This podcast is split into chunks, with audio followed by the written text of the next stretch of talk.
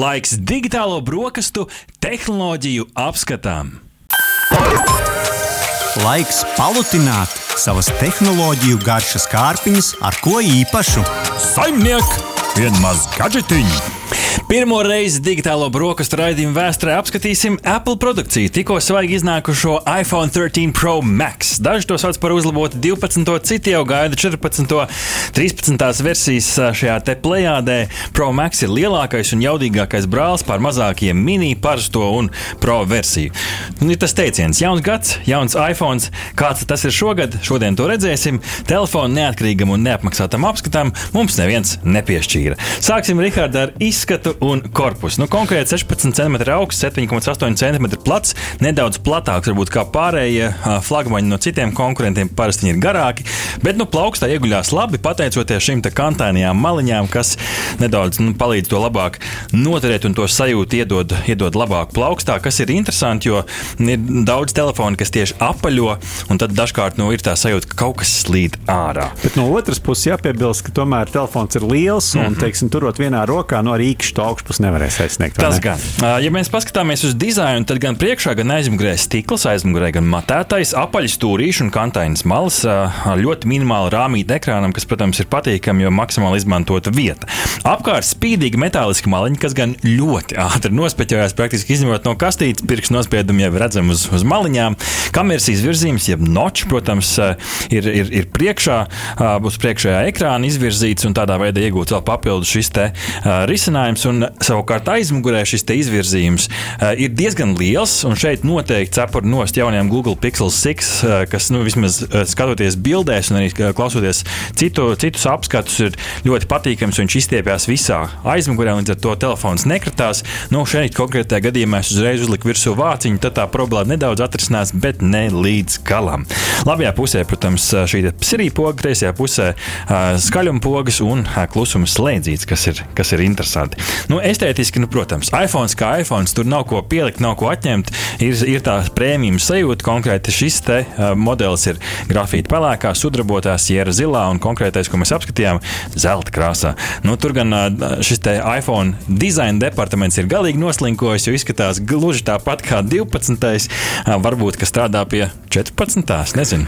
Kas to zina, bet katrā ziņā nebēdājiet 12. iPhone lietotāji. Ja jums ir tikai divas lētas, vai ne? Tad nu, šim jaunajam ir trīs. Ir jau iznākuši uzlīmīts, var pielīmēt ar trešo lēcu, un principā pa gabalu nevarēs pat pateikt, ka jums nav 13. iPhone. Korpusa izturība IP68, kas nozīmē, ka gan izturīgs pret putekļiem un pret ūdeni 6 metru dziļumā varbūt iemest līdz 30 minūtēm. Mēs gan tā noteikti ne, nemēģinājām. Nu, tā vienkāršāk runājot, lietu viņi izturēs, bet dušā labāk gan neiet. Tā, tā kā ar iPhone labāk neriskēt.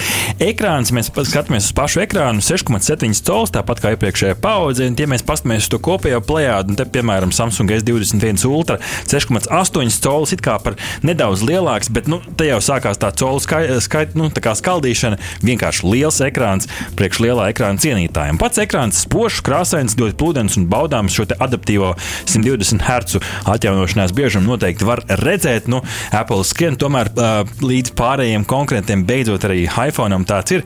Pārējiem jau kādu laiku ir. Uh, vai kāds to reāli pamanīs, Rihard? Es nedomāju. Nu, tur tiešām ir speciāli jāatricina tas īkšķis, jādancina par to ekrānu, lai pamanītu. Tas, kas ir uzlaboja nu, diezgan, diezgan labā līmenī, ir ekrāna spožums, 1200 niti, lai gan, ja mēs paskatāmies uz to arī uz cit, citiem konkurentiem, piemēram, Xiaomi Mi 11 Ultra, nu, tur aiziet līdz pat 1700 nitiem, bet es teikšu, ka nu, priekš saulainas dienas ir ļoti labi. Nav kur piesieties. Jā, nu, ja tu saki par 120 Hz, tad tas, ko es esmu dzirdējis, ka sākumā pamanīt nevar, bet tad, ja tev piespēlē telefonu, kuram tie herci ir mazāki, tad gan tu sāc just, ka kaut kas tomēr vairs nav tik gludi. Tā jau ir iesēdies jaunā mašīnā un savā vecajā vairs negrib kāpt iekšā.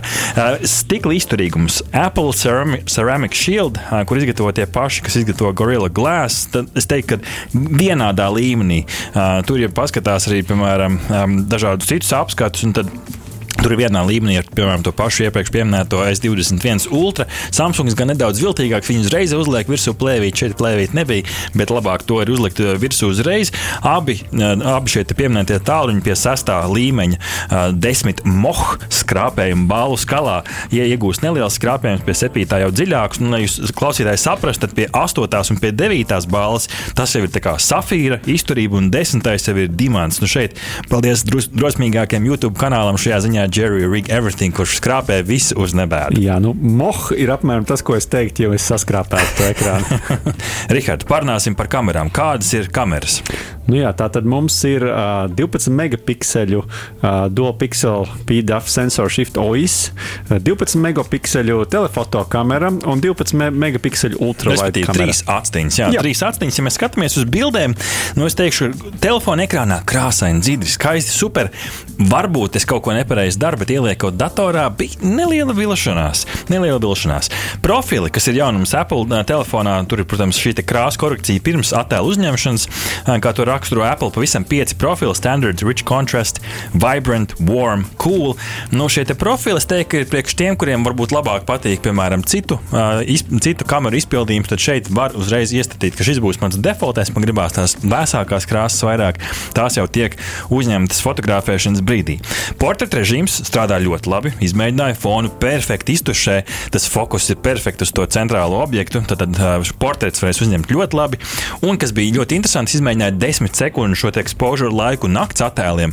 Un tur YouTube skatītāji varēs novērtēt bildei gan īstenībā pilnīgā tumsā, tumšā telpā termokrūze ar uzrakstu ar šo kameru nu, tik labi redzēt, gluži kā kaķa acis.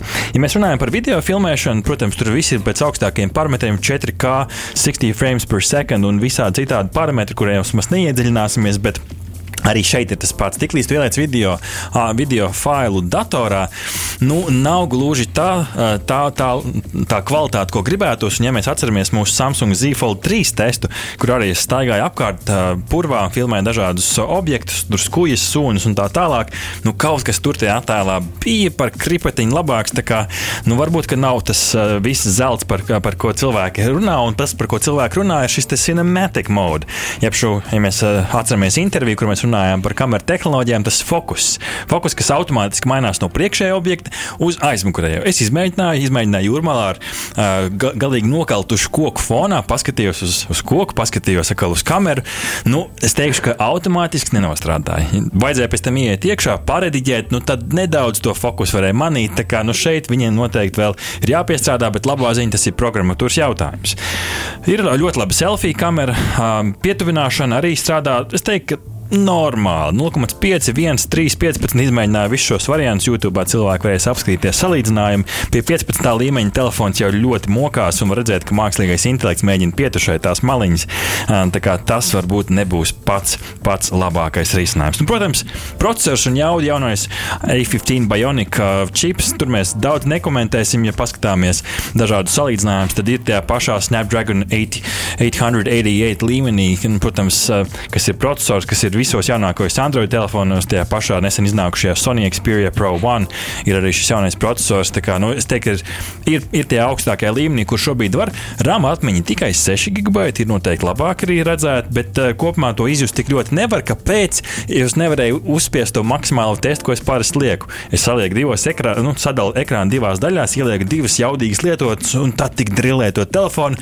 Nu, bija, šī bija viena vilšanās, sākot izmantot iPhone, ka nu, nevar tā dabiski to ekrānu sadalīt. Paspēlēja, protams, gan spēles, visas populārākās, kas it kā šobrīd ir pašas jaudīgākais, tas pats PUBG, Asphalt, Pokemon Go. Viss, viss strādāja ļoti perfekti, bet nu nevarēja izspiest to, to lielāko, lielāko jaudu, lai patiešām kaut kas sāktu lagot. Jā, un ja mēs runājam par nākamo kategoriju, kas ir atmiņa, tad tā ir pavisam interesanti no 128 gigabaitiem, nu, kas ir ļoti ierasts atmiņas apjoms šobrīd, un es pat teiktu, tagad jau varētu teikt pat mazs, līdz pat vienam terabaitam. Un šādu atmiņas apjomu es pirms tam nebiju ievērojis.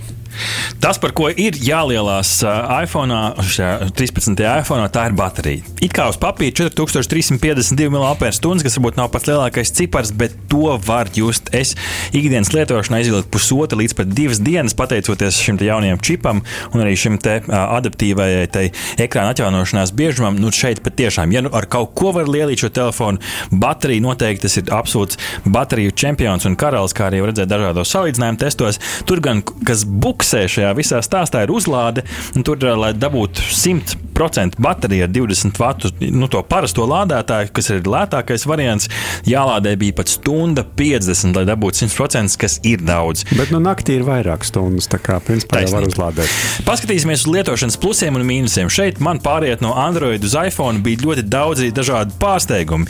Protams, nav jau pārsteigums, ka lādētājs nav līdzi, tas jāpērk atsevišķi.